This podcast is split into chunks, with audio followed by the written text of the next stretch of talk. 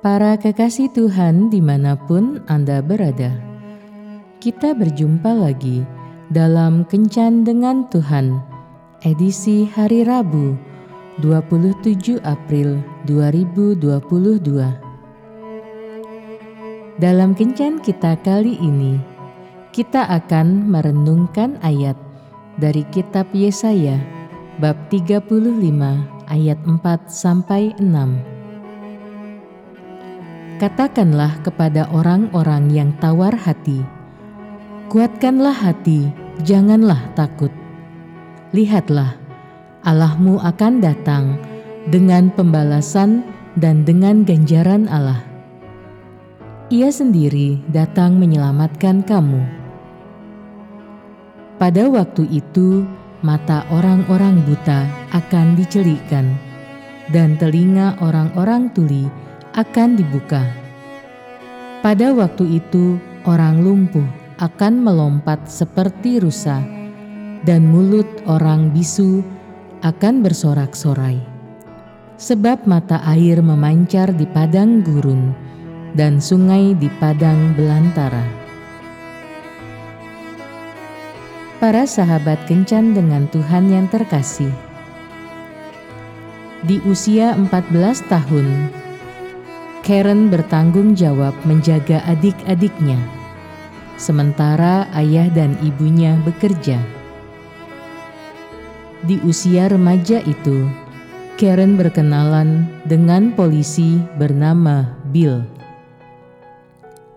Perkenalan itu berawal di suatu siang di musim panas, ketika Karen membawa segelas jus dingin kepada Bill yang sedang sibuk mengatur arus lalu lintas yang macet. Karen senang pada senyum dan keramahan Bill, sehingga hampir setiap hari ia mengantarkan jus dingin untuk Bill. Kian hari mereka kian akrab, sehingga menjadi sahabat. Bill menceritakan bahwa ia sudah menikah dan sedang menanti kelahiran anak ketiga yang Tuhan anugerahkan dalam pernikahannya. Suatu hari, Bill berkata, "Karen, banyak polisi yang ingin ditempatkan di sudut jalan ini. Kau tahu kenapa?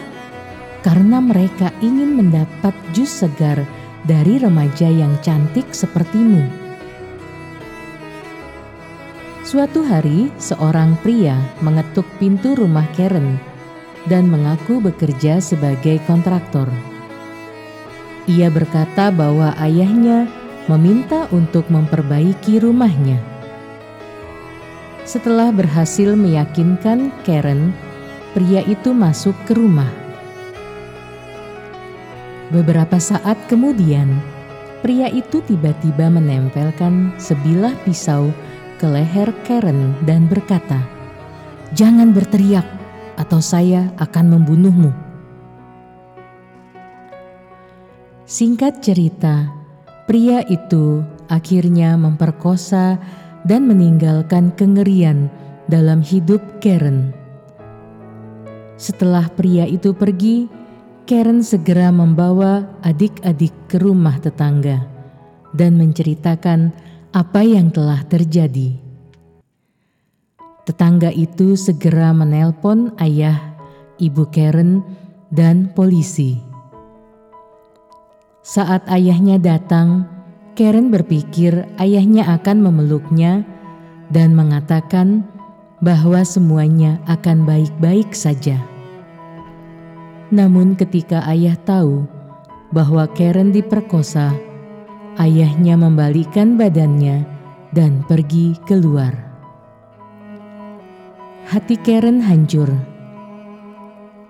Ayahnya tidak mendampinginya ketika para polisi menginterogasinya. Karen merasa sendirian dan ditinggalkan. Dia tahu bahwa ibu dan ayahnya mengalami kepedihan atas apa yang ia alami. Karen benar-benar trauma ia hampir putus asa dan ingin bunuh diri. Suatu hari, ibunya memanggil dan memintanya untuk menceritakan kembali kejadian yang sangat menyakitkan itu. Ibunya tidak menyadari bahwa hal itu menyakitkan hati Karen.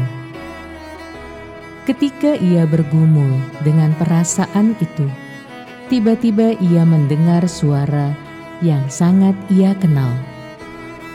Karen, apakah kau baik-baik saja? Karen menoleh dan melihat sahabatnya berdiri di depan pintu. Kemudian Bill masuk dan menggenggam kedua tangan Karen sambil berkata, "Ini bukan salahmu. Menangislah bila engkau ingin menangis." Karen pun memeluk Bill, dan tangisnya pun tak terbendung lagi kesesakan dan kepedihan yang selama ini tertahan di dalam hati kini lepas bersamaan dengan mengalirnya air mata di pipinya. Bill adalah malaikat penolong yang Tuhan utus untuk membangkitkan semangat hidup dan kepercayaan diri Karen kembali. Kasih dan perhatiannya membantu Karen keluar dari trauma besar itu. Saat ini, ada banyak orang yang mengalami perasaan seperti Karen, ditinggalkan, ditolak, kesepian, kecewa, kebencian, dan sebagainya. Mereka dapat dipulihkan bila kita mau mengulurkan tangan dan menjadi malaikat penolong bagi mereka yang sedang terpuruk dalam kesukaran dan kedukaan. Tuhan Yesus memberkati. Marilah berdoa. Tuhan Yesus, pakailah aku sebagai alatmu, agar aku dapat memberikan sukacita, kedamaian, dan ketenangan bagi setiap orang yang saat ini sedang mengalami keterpurukan dan kedukaan. Amin.